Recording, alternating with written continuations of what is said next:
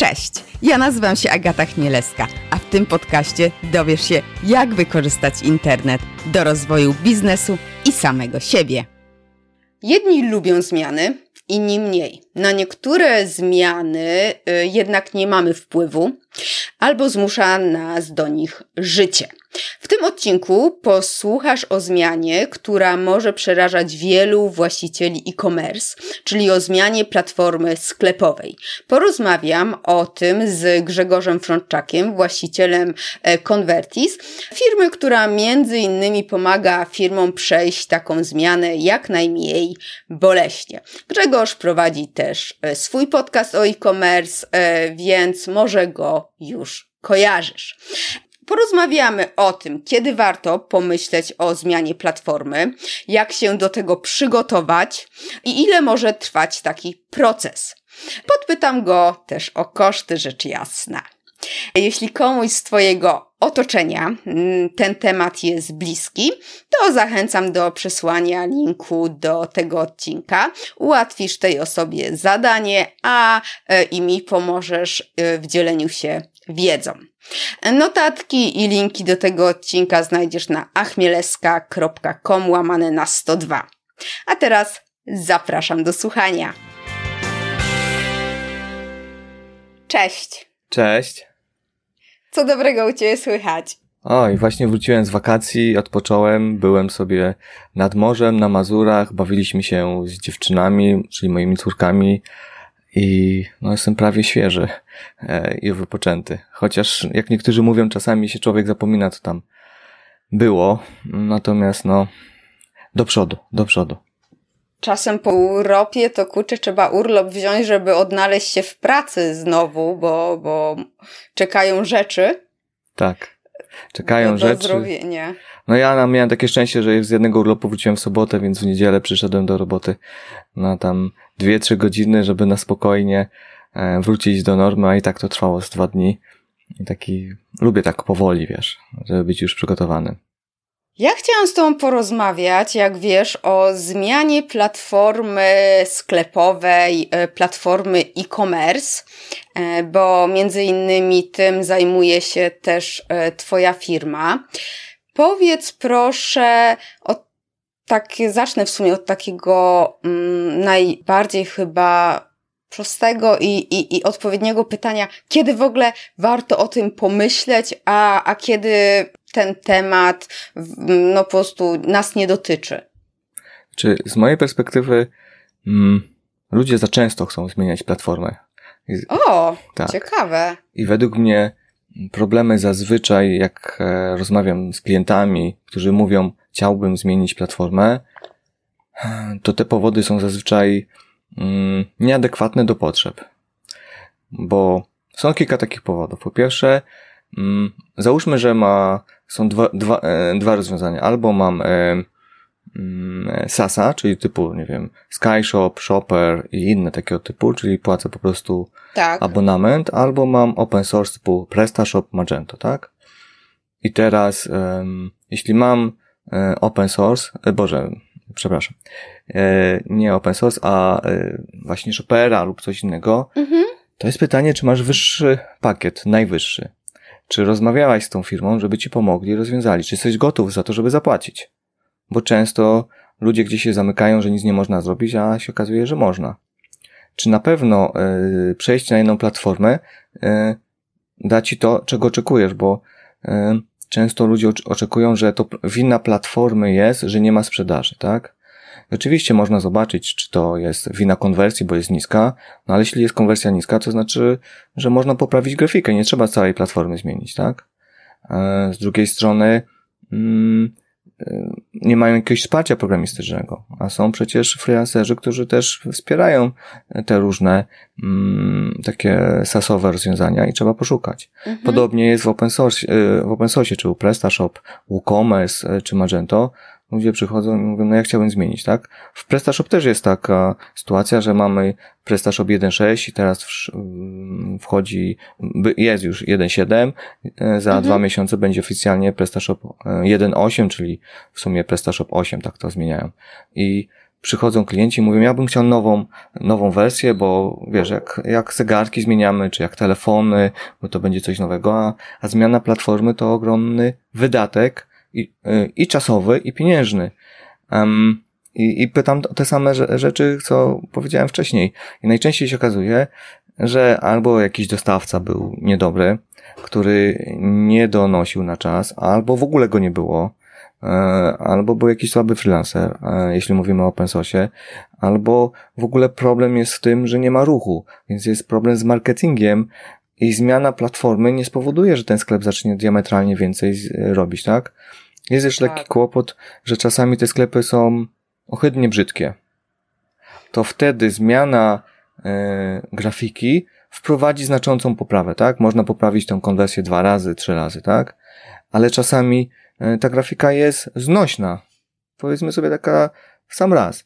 I wtedy e, poprawa konwersji na nowym szablonie poprawi się o 10, 20%, 30% to chyba maks, bo yy, ta konwersja ma wpływ, ale nawet jak robimy nową grafikę, może się okazać, że nie trafimy w gusta klientów.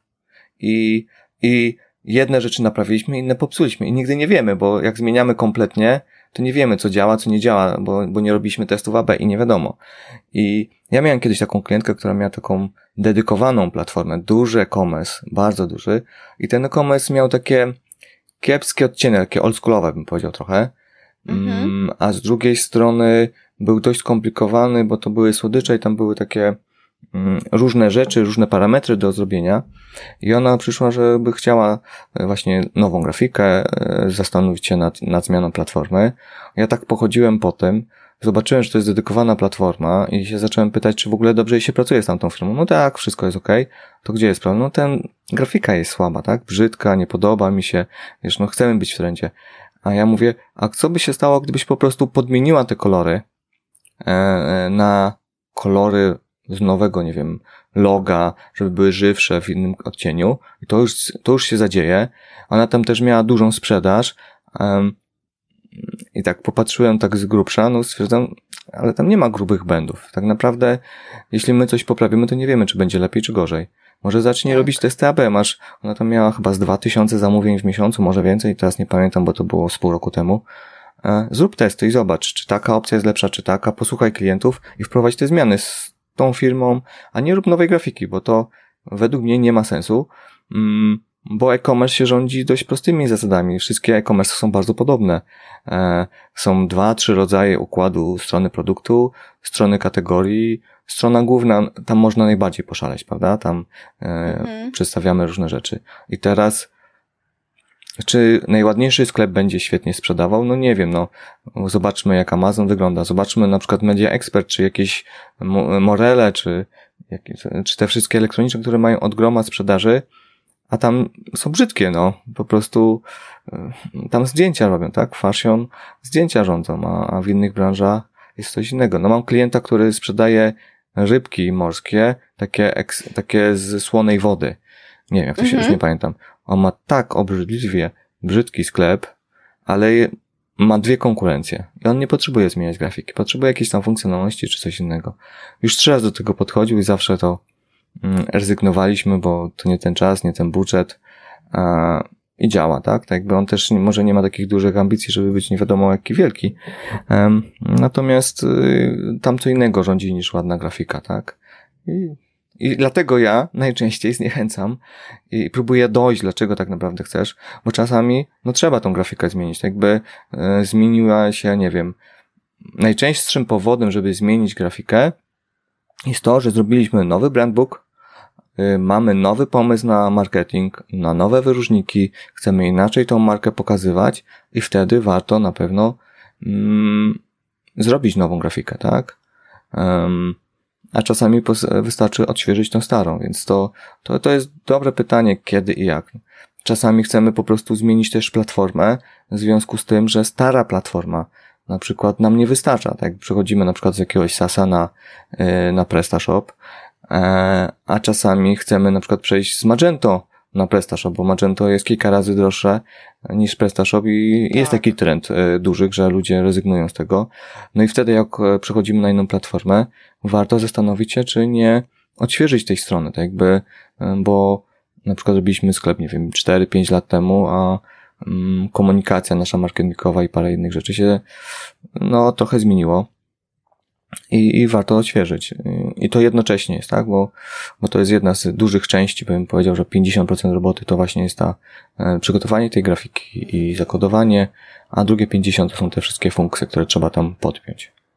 E, no bo tak, no trzeba rozdzielić e, layout od zmiana layoutu od zmiany całej platformy, prawda? Bo, bo jednak zmiana platformy to już jest większe przedsięwzięcie, bo Chyba, nie wiem, może właśnie, może się mylę, że, że jest większe od zmiany layoutu, bo wydawało mi się, znaczy to też pewnie zależy od y, wielkości asortymentu i, i też powiązanych jakichś tam, y, i też funkcjonalności specyficznych rozwiązań, y, to pewnie też, ale zaskoczyłeś mnie, że, że klienci częściej chcą niż powinni chcieć. Ja byłam pewna, że raczej to jest takie odsuwane jak najdalej, że to taki temat, wiesz, przerażający, bo właśnie ile tego będzie, ile, ile rzeczy się pojawi, nigdy nie ma czasu, e, a, a, mm, a tutaj mnie faktycznie zaskoczyłeś tym. No, to też pewnie zależy właśnie od, e, od e, tego, na czym obecnie jesteśmy, ile mamy możliwości i, i, i też świadomości jakiejś, nie? Bo, bo to też tutaj nie każdy się zna na wszystkim. Tak. No tutaj jest przede wszystkim jest pytanie, czy jest sens biznesowy, tak? Bo tak jak mówiłaś, to ja tak uprzytomniłem, są trzy powody tak naprawdę do zmiany. Po pierwsze, mamy starą grafikę i potrzebujemy ją odświeżyć. To jest jedna rzecz. I wtedy możemy... Ale to jest zmiana layoutu. Tak, wystarczy, ale czasami... całej platformy. Tak, to jest jedna rzecz, tak. Z jednej strony tak, masz rację, ale to już jest jakiś powód, żeby rozważyć, e, bo jeśli zmieniamy, bo inwestycja w grafikę to też jest dość duża inwestycja. Chyba, że bierzemy tak. z szablonu i, i to nie jest jakaś wielka rzecz, tak? E, druga rzecz, że nam funkcjonalności już nie wystarczają. Czyli e, planujemy duży rozwój, planujemy parę rzeczy zrobić i tu już nie dostaniemy, potrzebujemy zmienić to, tak? Trzecia rzecz na przykład jest za droga, taka biznesowa rzecz. Um, I to są chyba takie główne powody. Jeśli, a jeśli mówimy, a bo mamy za małą sprzedaż w sklepie i zmiana platformy mam no, nam to zrobić, to zazwyczaj jest to zły powód, bo e, za mała sprzedaż to nie jest powód do zmiany platformy czy nawet grafiki, tylko to zazwyczaj jest problem z marketingiem i z pozyskiwaniem ruchu. E, chyba, że chcemy robić większy marketing i mieć większą sprzedaż, a nie mamy funkcji. I wtedy zmieniamy platformę, tak? Albo na przykład niektóre platformy nie obsługują dużego, dużego ruchu, tylko to mówimy już o obrotach, nie wiem, rzędu y, kilkuset tysięcy i więcej. To zależy, tak? Bo i na sasach potrafią być ogromne y, sklepy, a to samo na Preście, tak? A co innego jest na Magento. Mm, mhm. Więc no warto tutaj ewentualnie z kimś się skonsultować z zewnątrz, żeby odbił twoje pomysły, bo czas, często to jest tak, że o, mój zegarek, nie wiem, yy, chcemy zmienić i to trochę jak gadżet traktujemy, albo telefon, tak? I, i zmieniamy tylko e, telefon na nowy yy, z tego powodu, że jest nowy, a tak naprawdę funkcjonalnie się nie zmienia. Nie widzimy tej różnicy. Czujemy tylko. Tak. I po dwóch tygodniach się okazuje, że ten telefon właściwie to jest yy, większy problem niż korzyść, bo jest nowy, nieporysowany ewentualnie, ale czy szybciej działa, tego nie zauważamy. No, to zależy. Chyba, że masz sprzed pięciu lat ten telefon, tak? Więc, y, no właśnie. No i tu bym porównał tak, chyba tak, do tak. telefonu, że czasami zmieniamy, bo chcemy być w trendzie. To może jest dobry powód, no ale kosztuje trochę, tak? Biznesowo to słabo. A Natomiast jeśli mamy stary telefon i te funkcje już zwalniają i to, to, to warto zmienić. Albo z drugiej strony chcemy na przykład zostać fotografem, więc potrzebujemy nowy telefon z niesamowicie dobrym aparatem, no to wtedy też możemy zmienić, tak? Tak bym to porównał z taką metaforą. Tak, tak, oczywiście. Tutaj też, wiesz, z drugiej strony y, czasem klienci mogą chcieć zmienić są na sasie, jakimś tam shopperze załóżmy, Mm, albo właśnie na preście i chcą zmienić, ale nie trzeba nic zmieniać, dlatego że wystarczy albo jakiś moduł, albo w tam wtyczka plugin, tak, albo po prostu skorzystanie z wyższego pakietu mm, Shopera, czy też znalezienia firmy, która coś tam może nam e, pomóc e, zmienić.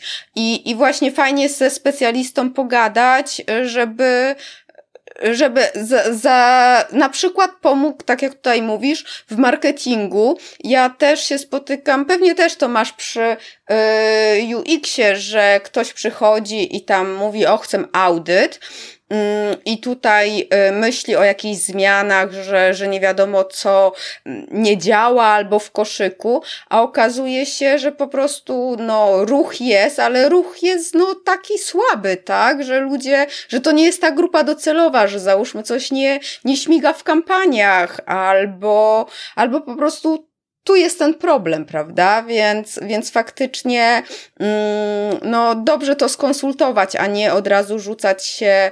Y, I też właśnie to, co powiedziałeś, że, że rozmawiasz z firmami, to ja bym przestrzegała przed właśnie firmami, które od razu biorą, tak, tak, zmieniamy, a nie wypytują o powody tej zmiany, dlaczego, co chcesz osiągnąć, z czym masz problem, co ci teraz nie działa, że, że chcesz zmienić tą platformę, bo być może właśnie gdzie indziej leży problem i zmiana czy layoutu, czy, czy właśnie silnika sklepu nic nie pomoże, bo dalej będzie ten sam problem. Tak, właśnie tak jest. My akurat robimy bardzo takie dopieszczone i, i zaawansowane wdrożenia i, i I robimy ich niewiele, bo raptem około 5-7 w roku. E, głównie skupiamy się na stałym wsparciu e, obecnych sklepów i być może ja też mam taki dystans, bo mi nie zależy na tych wszystkich wdrożeniach. Ja, ja wręcz bym powiedział, że sobie wybieram tych klientów, z którymi chcę pracować, bo te wdrożenia to są bardzo trudne rzeczy. Trochę jak się buduje dom. E, zawsze wychodzą jakieś rzeczy, które są niedopracowane albo coś się zmienia. Nie tutaj gniazdka, nie tutaj to. No to jest, są duże rzeczy tak. i u nas zazwyczaj trwają z 5-6 miesięcy. I jeśli sklep liczy na to, że to się zmieni i e, albo chce na szybcika zrobić. No dzisiaj rozmawiałem z klientem, który mówi, on chce, oni już mają gotową grafikę i chcą do końca roku to postawić. No to zostały 4 miesiące, mm, a dopiero szukają tej firmy, więc zanim znajdą, zanim się zdecydują, to pewnie będzie koniec września, podpisanie umowy, koniec września. Zostają nam w sumie październik, listopad, połowę grudnia, bo święta.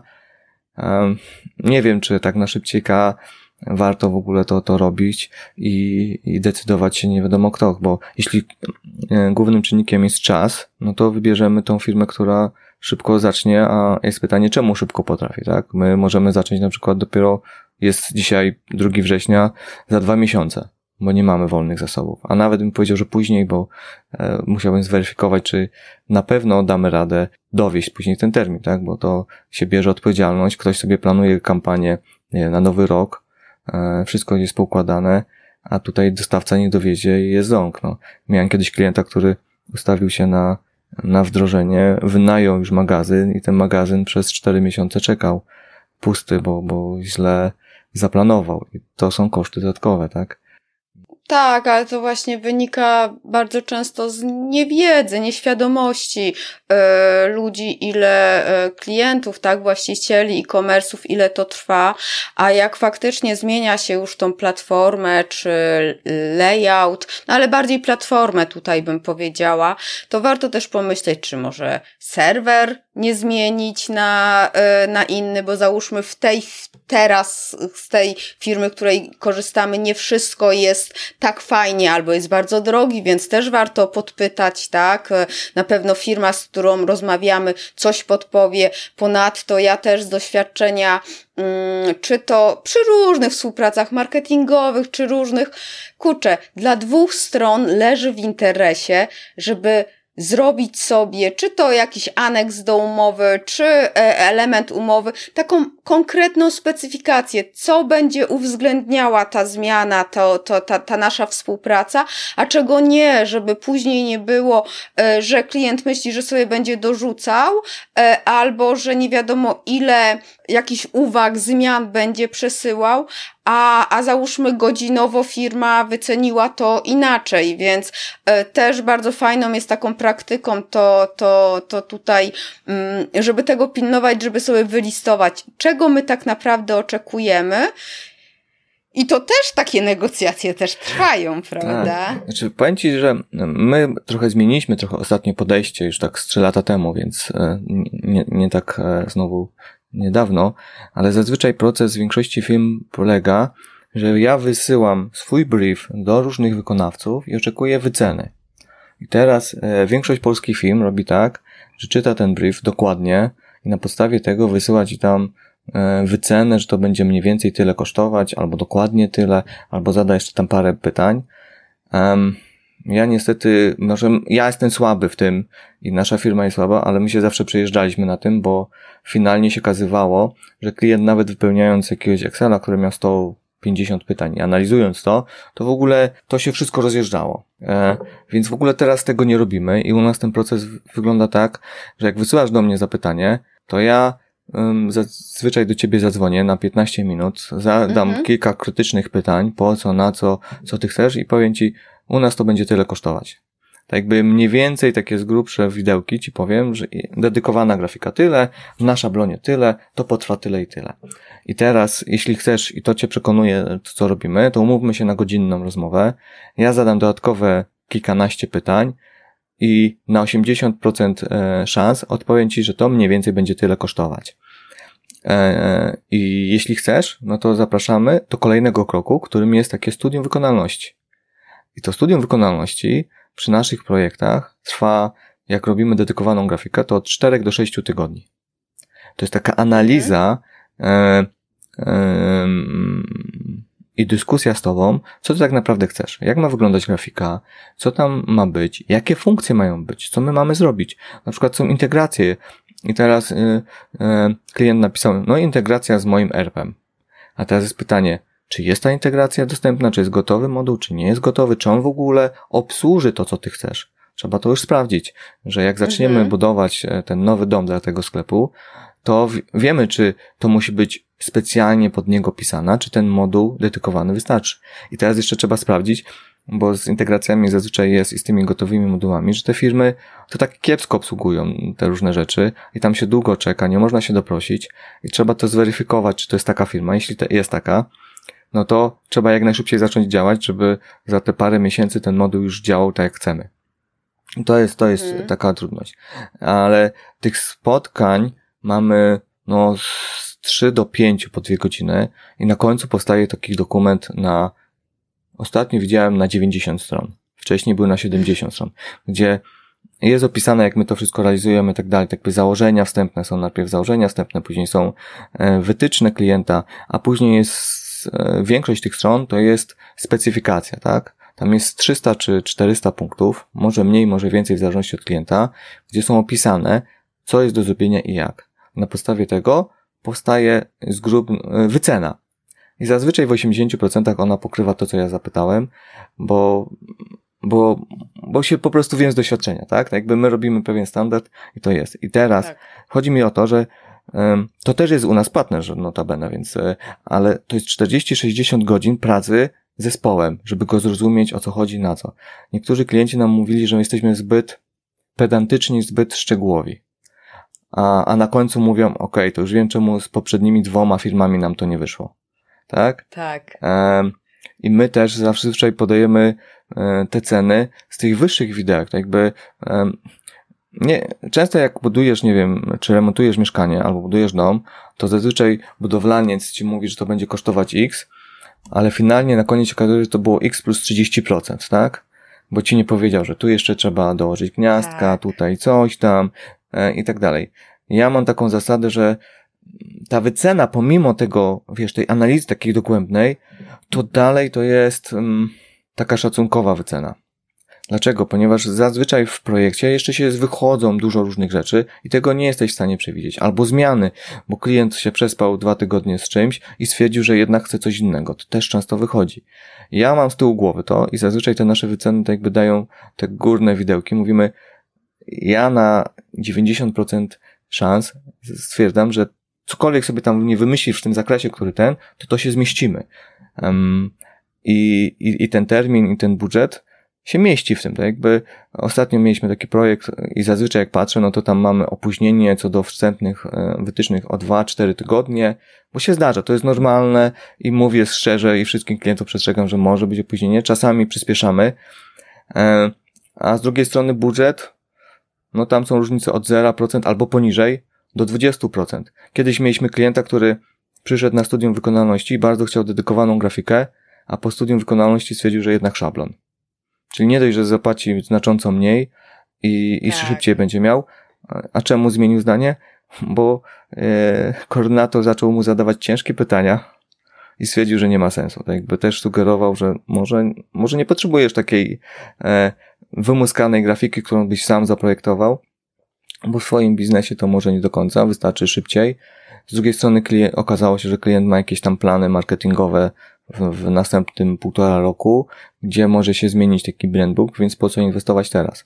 A musiał przejść właśnie z Magento na Prestę, bo zbyt drogo to kosztowało. I, takich historii jest naprawdę wiele. Mm, no i trzeba się zastanowić, jak, jak, jak to zrobić, tak? I, I tutaj też jest ważne właśnie, jak wybrać tego wykonawcę. Bo mam teraz klienta, który w grudniu do nas aplikował, żebyśmy mu to zrobili. To jeszcze notabene mój jakiś tam znajomy ze starych czasów i nas nie wybrał. Wybrał konkurencyjną firmę, która była tańsza, która mu coś obiecała, że szybciej zacznie, a po czterech miesiącach przyszedł i powiedział Grzegorz, e, no nie zrobili mi, straciłem z nimi kontakt. E, okazało się też, że że to jest trochę za trudne dla nich, ja nie wiem do końca, ale, bo się pojawiło właśnie, że jest trochę za trudne, trochę dostali kont, e, jakichś zamówień z Francji, więc wyższe stawki i klient przyszedł, tak? I my zaczęliśmy robić od nowa to studium, E, skończyliśmy mm, po trzech miesiącach. Tam było bardzo dyskusje, bo to taki platforma B2B.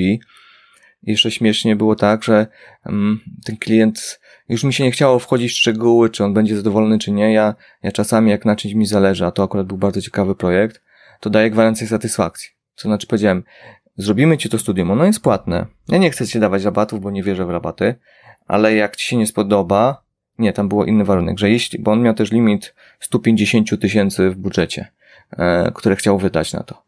E, według mo, na moje oko to się zmieścimy, nawet ciut poniżej, ale musimy współpracować. A jak przekroczymy i nie będziesz pomimo wszystko wytłumaczenia chciał kontynuować, to ci oddam pieniądze. Jest ząg taki, że tydzień temu zostało oddane. Okazało się, że budżet został E, przekroczony, bo tam wyszło około 160 tysięcy. W takich widełkach powiedzmy 140-180, ale stwierdziliśmy, że około 160 paru się zmieścimy. Um, I wiesz, teoretycznie moglibyśmy powiedzieć poniżej 150, żeby nie oddawać mu tych pieniędzy, ale ja powiedziałem nie, no, tu jest, liczy się uczciwość, bo to on musi wiedzieć, na co się pisze. I wysłaliśmy te 160 i właśnie czekam, czy oddamy mu te pieniądze, bo powie, że jednak to przekroczyło jego budżet um, i, i, i rezygnuje w ogóle z tego projektu, czy podejmie rękawice i będzie chciał więcej zainwestować z takim ryzykiem. Bo mhm. teoretycznie jest jakaś szansa, że zmieścimy się poniżej tych 150 tysięcy, ale patrząc na to, jakie on ma pomysły i co się może wydarzyć, no to różnie może być. A ja nie lubię obiecywać gruszek na wierzbie, wolę e, mieć spokojne życie i pojechać na wakacje niż e, odbierać telefon od złego, od niezadowolonego klienta.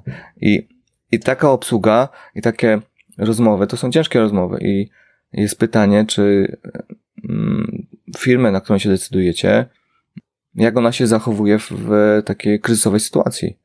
Bo to jest, bo wdrożenia to i wdrażanie nowej platformy, robienie takiego projektu, tam jest na pewno pojawi się kilka kryzysowych sytuacji. Tak, i to też jest, e, trzeba uświadomić klienta, zwłaszcza jeżeli mu zależy, że e, no, w zależności jak działamy, jakie są etapy tam akceptacji, e, ile ich jest, to, że e, słuchaj kliencie, ale e, tobie zależy na czasie, a co, czy masz plan awaryjny, jeżeli pracownik, który prowadzi ten projekt, będzie chory, jesteśmy ludźmi, albo to akurat na urlop pójdzie, czy, czy okej, okay, my też się zabezpieczyć na ten mm, mm, ewentualność, że okej, okay, tutaj gwarantujemy te terminy, ale jeżeli po twojej stronie nie będzie też koordynacji, żebyś też to pamiętał, żeby była e, osoba po naszej stronie, tak? My gwarantujemy, że, że będzie projekt kontynuowany, jeżeli ktoś zachoruje, cokolwiek się zdarzy, no ale po twojej stronie też musisz o tym pamiętać. I tutaj kolejny e, element, znowu ta edukacja, prawda? Tak. No tutaj jeszcze mamy rynek programistów, który stał się w tym roku rynkiem globalnym. I te stawki e, programistów urosły znacząco e, w ciągu ostatnich dwóch lat, bo cały świat sobie uprzytomnił, że można pracować zdalnie, więc nie potrzebuję programisty, nie wiem, z Francji, UK czy USA, a po prostu wezmę sobie Polaka, który jest znacząco tańszy, dam mu wyższą stawkę, więc te stawki poszły, poszybowały do tych, już szybują do tych zagranicznych czasami. E, tak. I, i teraz i, i, i każdy programista dostaje trochę ofert, więc jest pytanie, czy ta firma jak o nich dba, a co się stanie, jak mu odejdzie? No takie ryzyko też jest biznesowe, że może odejść, tak? Czy, czy tam jest tylko jeden programista? To śmieszne właśnie, że ja się pytam, a czy ty wiesz, jak duża jest ta firma? Nie. I klient mówi nie, ale to, to nie zapytałeś najważniejsze ryzyko, tak? Jakby ja rozumiem, że może się zdecydować współpracować z małą firmą, e, freelancerem, tylko podejmij świadome ryzyko, że jeśli on zmieni zdanie, albo ktoś odejdzie, to staną się takie takie konsekwencje. I to pytanie jest bardzo zasadne, tak? Czy e, ile tam jest tych pracowników? Co się stanie, jak ktoś mnie zastąpi, tak jak to mówisz, tak? Czy oni, jakie oni mają procesy, tak? Jak dbają o to, żeby dowieść ten projekt na czas, tak? Bo w projekcie takim większym, no różne rzeczy się po drodze dzieją. Tak jak mówiłeś, choroba, tak. ale różne pandemia, wybuchnie wojna i tak dalej. To już są takie hardkorowe rzeczy, ale takie małe też się tak. dzieją. I mm, i co wtedy? Jak, jak te procesy? Jak dbacie o to, żeby ten projekt dowieść, nie wiem, w danym budżecie, czy w danym e, czasie? No to się przedłuża, tak? A mm, ja widzę bardzo dużo, że tych bardzo dużo projektów nie wychodzi. Um, raz z tego, że ktoś źle to wycenił, e, źle zaplanował, a, a trzy, później na przykład się okazuje, że ten kontakt się gdzieś urywa, tak? Ja bardzo często słyszę, że um, no zmieniamy firmę, bo, e, mm, bo tam pracowaliśmy z tą firmą, e, pracowaliśmy i nagle zniknął kontakt. Nikt się nie odzywa. Nie maile, nie telefon, a jak już odpowiadają po tygodniu, po dwóch. No i to jest taki ząg, taki, no to jest takie, czasami um, jest kłopot y, taki, że um, źle wyceniłem ten projekt, muszę go do, dowieść, ale z drugiej strony muszę włożyć do gara jedzenie. E, I teraz muszę robić inne projekty, więc ten trochę odstawiam, udaję, że go robię, a muszę skończyć kolejne, tak? Szczególnie to jest istotne przy małych firmach, bo tak się dzieje najczęściej, tak? Przy większych, no to większa jak źle wyceni, no to bierze to na karp, jest dużą firmą, to jest jeden projekt z kilku, kilkunastu i, i jakoś to ogarnie, pójść do przodu, ale przy małych firmach, no to jak nie mam co do gana włożyć, to, to co robię? Muszę ściemniać. Mhm. A powiedz mi, e, bo to też jest interesujące e, zapewne e, dla słuchaczy, no bo wiadomo, są jakieś rzeczy, że mm, właściciel, ogólnie sklep musi podjąć decyzję, są jakieś rzeczy, które leżą po stronie firmy, która zmienia tą platformę, czy też layout, a jak zmieniamy tutaj już layout, to raczej nie, ale platformę, y, no to zwykle też funkcjonalności jakieś dochodzą, znikają. Czy jakieś są takie kwestie prawne, które powinniśmy, o których powinniśmy pamiętać, czy załóżmy, mm, musimy poinformować klient? To jest takie trochę pytanie z czapy, nie? Ale tak, tak jaki daję przykład, czy, yy, znaczy pytanie, przykład jest z czapy, czy musimy poinformować, że zmieniamy silnik sklepu? A może nie jest z czapy, może trzeba poinformować, może nie wiem, właśnie. Co? Wszystko zależy od tego, jak masz ułożoną politykę prywatności prywatności. Ja tak mówię bardziej z doświadczenia niż jestem ekspertem, więc tu zastrzegam bardziej, Aha. że tak mówię z tego, co mi wiadomo, natomiast zapytałbym jakiegoś tak. prawnika.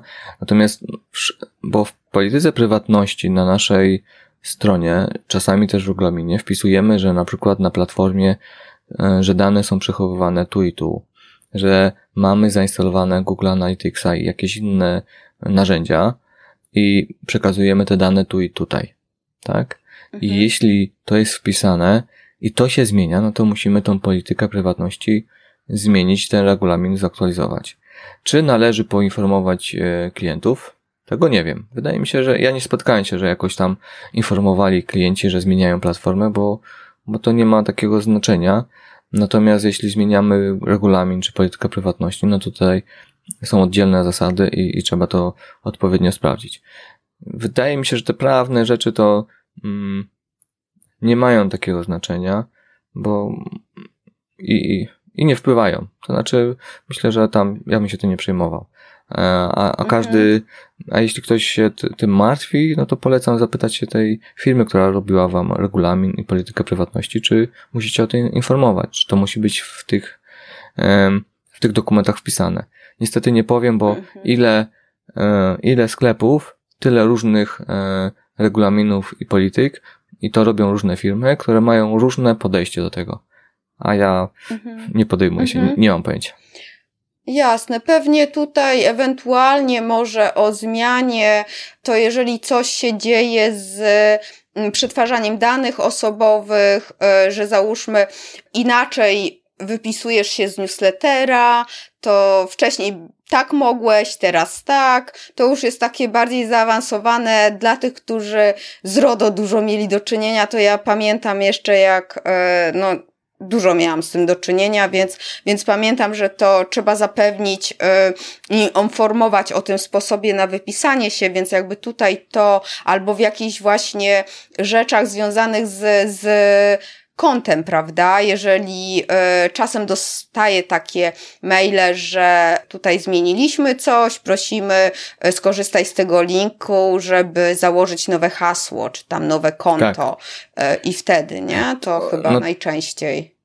Rzeczywiście jest tak, że jak zmieniamy platformę, to czasami się, no, to w zależności od tego, jaki mamy budżet, ale czasami się po prostu nie opłaca przenosić tych kont i haseł, bo hasła są w jakimś na przykład innym systemie zahasz, e, zaszyfrowane, bo one są zazwyczaj zaszyfrowane w większości wypadków i musielibyśmy to jakoś tak przenieść, tego się nie da, więc e, użytkownicy dostają informację, że muszą zmienić e, hasło, żeby dostać się, tak?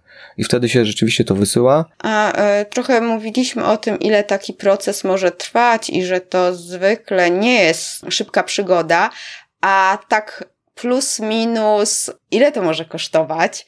Z, zmiana platformy, taka i z, z zmiana platformy i też od razu odświeżenie tego layoutu sklepu. To musimy rozróżnić parę rzeczy, bo proces, jeśli mówimy o odświeżeniu layoutu razem ze zmianą platformy, to jest pytanie, czy już mamy na przykład brandbook zmieniony, czy musi, mamy takie podstawowe mm, taki brief e, e, odnośnie tego, jak to ma wyglądać, tak dalej, zrobiony. Bo jeśli nie mamy, no to warto najpierw to zrobić, mm, nim zmienimy grafika, bo później będzie za późno. Więc to jest jakiś jeden e, element. Jeśli już to mamy gotowe i zmieniamy tą platformę razem z grafiką, no to teraz, jeśli mówimy o, na przykład przechodzimy, nie wiem, z jednego SASa na inny SAS, to ja przyznaję, nie mam doświadczenia, ale możemy założyć, że mamy dwie opcje. Albo robią nam dedykowaną grafikę, albo nam robią no, e, jakiś gotowy szablon z małymi poprawkami. E, Jeśli przechodzimy na przykład z SASa e, do na open source, na przykład na PrestaShop, Tak. to jest też to jest taka opcja, że albo przechodzimy na szablon gotowy i robimy jakieś poprawki, albo robimy dedykowaną grafikę. I myślę, że te przypadki są dość podobne, no bo jeśli przechodzimy na szablon, no to tak naprawdę przejście z tego może się zamknąć od 8 tygodni, czyli 2 miesięcy do 3 miesięcy, powinno się zamknąć. Czemu tyle, a czemu nie krócej? Da się, że krócej. Tylko ja wielokrotnie słyszałem, że klientom bardzo zależy na czasie, a jak przychodziło do działania, to się okazywało, że nie. To tak w 80% przypadków. Taki scen- scenariusz jest. Bo coś tam, bo coś Ale jeszcze mówisz, wyszło. mówisz o czasie, a nie o, o kosztach. O, o kosztach zaraz też, tylko najpierw o czasie, Mhm, dobra? Okej, dobra. I, I to jest 2-3 miesiące, bo trzeba sobie wziąć, e, tam są różne rzeczy, które trzeba przygotować przy zmianie platformy i, i przy zmianie layoutu, bo jest inny szablon. Trzeba się skupić, przenieść, e, opisać wszystko, co jest do zmiany, później to zakodować, przygotować, e, posprzątać. Zazwyczaj mamy w międzyczasie jeszcze kilka innych rzeczy na głowie, mówię o właścicielach takich sklepów i tego się nie da tak zrobić, żeby się, nie wiem, zrobić szybciej, bo wtedy musiałbyś się odciąć kompletnie, tylko na tym skupić. To pewnie tak. Natomiast zazwyczaj to wychodzi u nas 2-3 miesiące i myślę, że przy różnych sasach też. E, czyli przejście na przykład sasa na, na, na Presta, na szablon albo z, nie wiem, Magento na Presta. Z drugiej strony, jeśli mówimy o dedykowanej grafice, no to jest to czas 5 a 6 miesięcy u nas. Czyli, bo czemu tyle? Przy, z przygotowanie samej grafiki nowej, żeby ją zaprojektować i tak dalej, to są 6 a 8 tygodni, a czasami jeszcze mało. Dlaczego? No bo widzimy stronę główną, robimy stronę główną i to zajmuje na przykład grafikowi, żeby wymyślić taką pierwszą koncepcję, no powiedzmy z dwa tygodnie. Tak? Narysować, przygotować, przemyśleć i oddać. No a później jak mamy tą stronę główną, no to mamy poprawkę pierwszą, drugą i trzecią, bo zazwyczaj klienci mają poprawki, tak? I niech klient pomyśli, nie wiem, dwa dni, e, później grafik kolejne dwa dni, no to w sumie tydzień. Jeśli mamy trzy rundy, no to 2 plus 3 to już mamy 7, tak? Tygodni, czyli już prawie 2 miesiące. Um, czasami to się udaje szybciej z dnia na dzień, ale to wszystko zależy od takiej responsywności klienta i grafika. A gdy mamy stronę główną gotową, to wtedy musimy zacząć rysować te inne podstrony. I teraz inne podstrony rysuje się dużo szybciej, bo wtedy grafik zaczyna zazwyczaj rysować na przykład stronę kategorii, stronę produktu od razu i od razu to oddaje, no ale tam też są te poprawki. Więc dlatego grafika może zająć dwa miesiące, ale i pół roku, w zależności to, ile kto ma poprawek i jak widzi e, sytuację. Ja miałem kiedyś klienta, że powiedział mi, Grzegorz, ja się muszę dwa tygodnie przespać być może pewne funkcje można już kodować, jak jest, jeszcze nie ma grafiki, ale cały frontend wymaga zakodowania tego po skończonej grafice. Czyli po grafice mamy okres kodowania, a później są testy. Jeśli mamy działający sklep, który ma jakieś rozsądne obroty, tam powiedzmy 200, 300, 400 tysięcy, miliony na przykład, to im więcej obrotu, tym więcej testów. Bo jeśli zmieniamy platformę, no to wymaga przetestowania wszystkie funkcje, czy to działa, czy to się integruje z wszystkimi naszymi systemami, bo wiesz, no trochę tak kiepsko, jak przełączysz sklep na nową platformę, tu nagle, mm, nie wiem, system e, sprzedaży nie działa, bo jakąś jedna mała rzecz się nie dzieje, co nie? Tak. Mm, I teraz, jak go przełączamy, to później są dwa gorące tygodnie, to nazywam. Zazwyczaj parę błędów albo kilkanaście, to są takie drobne rzeczy, ale wychodzą. Albo ktoś tutaj nie zauważył tego, albo tutaj, no są takie drobiazgi, które przy różnych sytuacjach jest. I wtedy poprawiamy to szybko, i ja uważam dwa tygodnie po takim live'ie za projekt skończony, bo później zazwyczaj e, zaczynają się też różne poprawki, ale są poprawki i zmiany, czyli nie, jednak bym chciał, żeby inny kolor, trochę dodatkową funkcję i tak dalej, tak? A ile to kosztuje? No to jest pytanie, tak? Na przykład jeśli my mówimy o preście, to u nas kosztuje na szablonie około 30 tysięcy, oczywiście można znaleźć freelancera, który to zrobi za 2 do 5 tysięcy, mm, a nawet jakąś małą firmę, tylko to robią na kompletnie innym poziomie niż my to robimy. My prowadzimy klienta za rękę, pokazujemy, co trzeba zrobić, jak trzeba zrobić, uzupełniamy za niego pewne rzeczy, żeby on miał gotowy produkt, żeby to już działało. I to trzeba porównać coś w tym zakresie, tak? A e, no u nas to kosztuje około 30 tysięcy, tak patrząc jak to robimy, a dedykowana grafika to jest 100, 120, 100, 120 150 tysięcy teraz. W zależności to, co tam tak naprawdę jest skryte. I to są takie budżety. Są firmy, które robią to taniej, tylko zawsze to jest różnica, jak porównać szczegóły, tak? Bo teraz jest, jak jest dopracowany, nie wiem, frontend na desktopie, na mobilu, jak są dopracowane pewne funkcje, ile tam jest takiej e, części doradczej. Na przykład u nas często wychodzi między 20 a 30% w zależności od projektu samej pracy koordynatora project managera, który prowadzi klienta za rękę i podpowiada i dyskutuje z nim. Um, I wydaje mi się, że to są takie rozsądne e, widełki też na dedykowaną.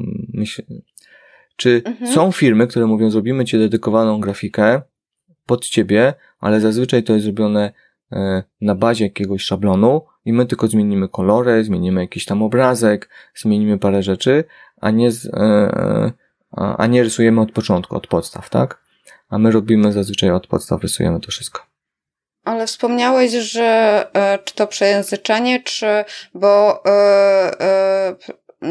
że wdrożenie platformy na Presta 30 tysięcy, a dedykowana grafika 120 tysięcy.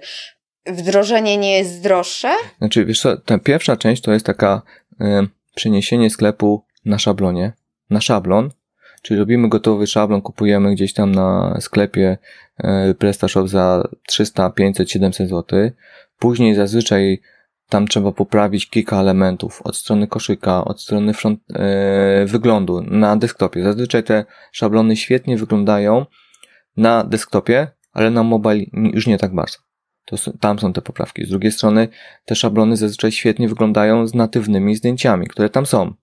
Ale jak się wrzuci zdjęcia naszego klienta, to te, ten szablon już tak nie wygląda i na przykład trzeba go dopasować, mhm. żeby to wyglądało jakoś, tak? Mm, I tam jest bardzo dużo różnych rzeczy, a do tego dochodzi właśnie przepięcie, przeniesienie tych wszystkich danych z innego systemu, skopiowanie, synchronizowanie, pustowienie tych funkcji, E, dodanie tych dodatkowych modułów i to zajmuje czas i to właśnie jest koło tych 30. Zazwyczaj na szablonie biorą to małe sklepy, więc e, z, tak z, pra z praktyki e, wychodziło nam 30 tysięcy. Tych, tych rzeczy nie robimy jakoś dużo. Myślę, że w ostatnim roku zrobiliśmy jeden, wcześniej robiliśmy z dwa, trzy, więc to bardziej na takim doświadczeniu mówię. Natomiast jak robimy wdrożenia, to jest ta sama praca, żeby to przenieść, ale bardzo dużo jest też tej, e, tej pracy związanej z kodowaniem frontu, e, takiej dedykowanej, że to wszystko trzeba zaprogramować, opisać i tak dalej, a z drugiej strony te sklepy, które już chcą dedykowaną grafikę, oni mają dużo więcej funkcji i wymagań, tak? Tam są... Okej, okay, mm, czyli te 120 tysięcy to jest z, z, e, dedykowany layout, ale też wdrożenie. Tak, to jest wszystko, to jest wszystko. Ja mówię o takiej mhm. całościowej cenie za całość, okay.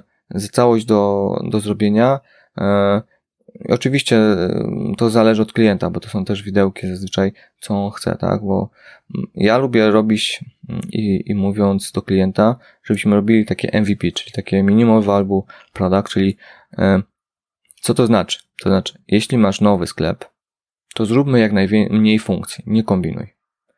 Bo jak masz nowy sklep, mm, to chciałbyś mieć, często mi się zdarza, że jest lista wszystkich funkcji, która ma cała moja konkurencja, ja je chcę mieć tylko tam jest na przykład 10 różnych form rapatowania. A ten klient chce od razu to mieć, a tak naprawdę wykorzysta jedną później. Więc mówię, wybierzmy jedną, jak będziesz miał gotowy sklep i się okaże, że potrzebujesz kolejnej formy rabatowania, to ją dodamy, bo to jest, to nie jest problem. Po prostu nie ma sensu teraz zgadywać i płacić niepotrzebnie za to pieniędzy. Z drugiej strony, jak masz działający sklep, prężnie działający sklep i chcesz przenieść się na nową platformę, to z mojej perspektywy, im szybciej przeniesiesz się na nową platformę, tym lepiej dla ciebie, bo możesz zacząć działać już z całym marketingiem i wykorzystując nową platformę. I jeśli klient przychodzi i mówi, że on też oprócz tych funkcji, które ma w starym sklepie, to chciałby mieć jeszcze kolejne 15 funkcji, to ja się na pewno upewniam, czy to musi być zrobione w wdrożeniu, czy nie można tego zrobić po wdrożeniu wdrożyć. Bo jeśli dodamy te 15 funkcji, może się tak zdarzyć, że to wydłuży ten projekt o dodatkowe tygodnie lub czas, albo skomplikuje ten projekt mhm. niepotrzebnie. A z drugiej strony to też często się zdarzają takie funkcje, takie nice to have, e, have czyli nasza konkurencja ma, albo nam się wydaje, że to potrzebujemy i to zróbmy, tak? Ale po czterech, ja się już wielokrotnie e, przekonałem o tym, że po czterech miesiącach robienia projektu się okazuje, że w sumie to już nie chcemy tej funkcji bo przemyśleliśmy, coś się dowiedzieliśmy i się okazuje, że nie chce. Więc zróbmy te podstawowe rzeczy, czyli integrację z systemami, e, e, podstawowe rabatowanie, te funkcje, które masz, a dopiero później. No najciężej, czasami mam klienta, który chce wdrożenie i jednocześnie zmienia ERPA. No ja mhm. wiem, ała, na pewno. To to jest to, dla takich małych, średnich firm to jest e, ciężkie, tak? A może lepiej najpierw zmienić ERPA, a później y, sklep, albo najpierw sklep, a później ERPA. Nie róbmy takich rzeczy równolegle, jeśli nie mamy zasobów i, i cierpliwości do różnych fakapów, które się zdarzą, bo to są skomplikowane rzeczy. No tak, tak. Dwa takie duże projekty naraz to nie jest dobry pomysł e, w żadnej e, branży, w żadnej sytuacji, bo za dużo rzeczy może się wysypać i E, jak gasić pożary, no to lepiej jeden niż e, kilka, a zwykle rzeczy, które są zintegrowane, pociągają inne rzeczy za sobą, więc e, to faktycznie może, może źle się skończyć. To trzeba wziąć pod uwagę, że zmiana platformy, a nawet grafiki, to jest od groma pracy po stronie zespołu klienta. Po naszej też, ale po stronie klienta też jest od groma. Trzeba decydować o różnych tuperelach, e, trzeba e, przemyśleć parę rzeczy i to jest naprawdę sporo roboty i wielu ludzi tego sobie nie, nie docenia e, i, i, i później się okazuje, że oni mają jeszcze inne funkcje działania i opóźniają pewne decyzje, tak? Tak. Albo, tak, tak. No to, to są też takie, taki błąd, że na przykład, mm, no powiem taką anegdotę, tak, że klient chce od grafika nowe logo, grafik mu daje to logo, klient mówi nie, nie, popraw kolorek, grafik poprawia kolory, nie, nie, trochę większe, grafik poprawia i taka jest powiedzmy z 5-7 iteracji i się okazuje, wiesz co, ale to pierwsze logo było najlepsze. To jest tak często taka tak. sytuacja, że wydaje nam się, że, że widzimy, że możemy coś lepiej, a to się okazuje, że to była często najlepsza forma. Um, i wpadamy w taką pułapkę. Ja też jak startowałem z biznesem, to wpadłem w tą pułapkę i, i, i uprzedzam. I, I też często mówię, odpuśćmy pewne rzeczy perfekcyjne, bo w sumie jak ty Agata zajmujesz się UX-em i tak dalej, to przecież wiesz, że często nam się wydaje, że coś, coś jest ładniejsze dla nasze oko, to nie znaczy, że będzie nam więcej sprzedawać, prawda? Tak, dokładnie. To wcale, wcale nie oznacza, to ma, e, to też, wiesz, to też wszystko od branży, od typu e, produktu zależy, ale to, że u kolegi w sklepie coś działa, e, to nie znaczy, że u nas będzie działało, a jak mówimy już o layoutie, to, to już w ogóle nie tak. mamy co w ogóle też patrzeć na siebie, co nam się podoba, bo to nie jesteśmy naszymi klientami, nie? Fajnie, żeby się nie wstydzić swojego sklepu i, i, i lubić na niego patrzeć, ale też bez, bez przesady i y, ja sama też się pilnuję, nie? Z tym, że czasem muszę sobie powiedzieć, Agata, weź machnij ręką. I, i, i zwykle pomaga, jeżeli y, się zaprę, że to ja sama zrobię. Więc wtedy ta waga tego tak. traci zupełnie znaczenie i przesuwając, przesuwając, w końcu mówię, a, walić to, delete. Tak. E, I e, tak, tak, tak. No, bo Jakiś też jest tak, tak, że jak pracujemy z takimi osobami jak ty, czyli takimi ekspertami od UX-a i różnych takich rzeczami i oni nam najczęściej zlecają mm, poprawki, um, bo my też często robimy sami, sugerujemy różne poprawki, ale często te większe mm -hmm. sklepy już mają takich ekspertów, gdzie te niuanse się liczą, tak. trzeba robić badania i tak dalej. I tam są te e, tak zwane hipotezy. Poprawmy, nie wiem, wielkość, szerokość, długość, inny mhm. obrazek, inną grafikę. To połowa tych pomysłów mm, zazwyczaj powoduje spadek konwersji, a druga połowa powoduje wzrost. Nigdy nie wiadomo, która jest połowa, która. No i, e... A czasem nic się nie zmienia. To jest o, też. Tak. Tak, a czasami się narobiliśmy, a nic się nie zmienia. Dlatego też jestem taki wstrzemięźliwy z tym, żeby robić nowe grafiki które mają uratować, bo się podniesie konwersja. A może po prostu zoptymalizować ten sklep, poprawić szybkość, poprawić e, grube błędy, bo zazwyczaj klienci się e, skarżą na parę różnych, kilka, kilkanaście rzeczy konkretnych, a nie na całość, tak? Mm. Tak, dokładnie. To też jest tak, że ja jak robię jakieś audyty e, e-commerce, UX, to e, zawsze robię e, badania z użytkownikami, z potencjalnymi tam klientami i faktycznie, jeżeli tam jeden mi mówi, że a, bo nie ma, produkty są tylko pokazane w, na siatce, a nie ma listy, nie? To jest jedna osoba.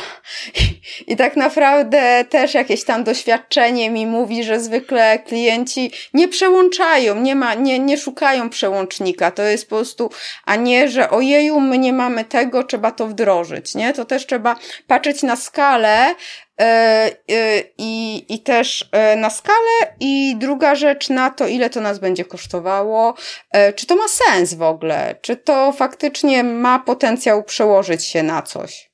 Tak, no, to jest ważniejsze. Bo my korzystamy z czegoś, to, to my to musimy mieć. No to tak nie działa.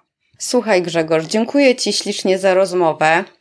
E, ja e, w notatkach do tego odcinka na achmieleska.com łamane na 102 podlinkuję do Ciebie, też do Twojego podcastu, więc e, słuchacze, jeżeli będą mieli jakieś pytania, jeżeli będą chcieli skorzystać, czy to właśnie z pomocy przy zmianie platformy, przejściu na, na może Prestę, a może też jakichś działaniach marketingowych, bo z tego co wiem też takie świadczycie, to, to na pewno Ciebie znajdzie, więc i, i, i super, dzięki za, za rozmowę i trzymaj się i do usłyszenia. Ja tylko powiem jedną rzecz, bo tak? może nie powiedziałem.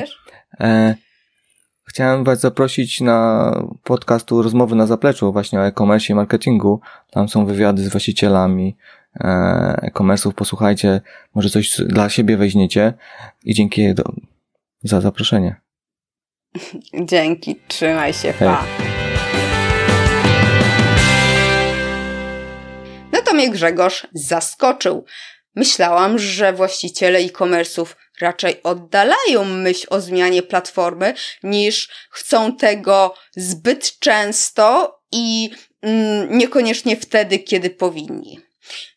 Dlatego warto pytać, rozmawiać, edukować się i nim podejmiemy jakieś e, radykalne kroki, to jednak być pewnym, że e, chcemy tego zrobić, mamy na to teraz przestrzeń czasową, finansową i jesteśmy gotowi na różne mm, komplikacje, które mogą się wydarzyć. Myślę, że Grzegorz podzielił się naprawdę e, ogromną wiedzą, doświadczeniem i wskazówkami, jak ten proces kiedy zdecydować się w ogóle i jak ten proces przemyśleć.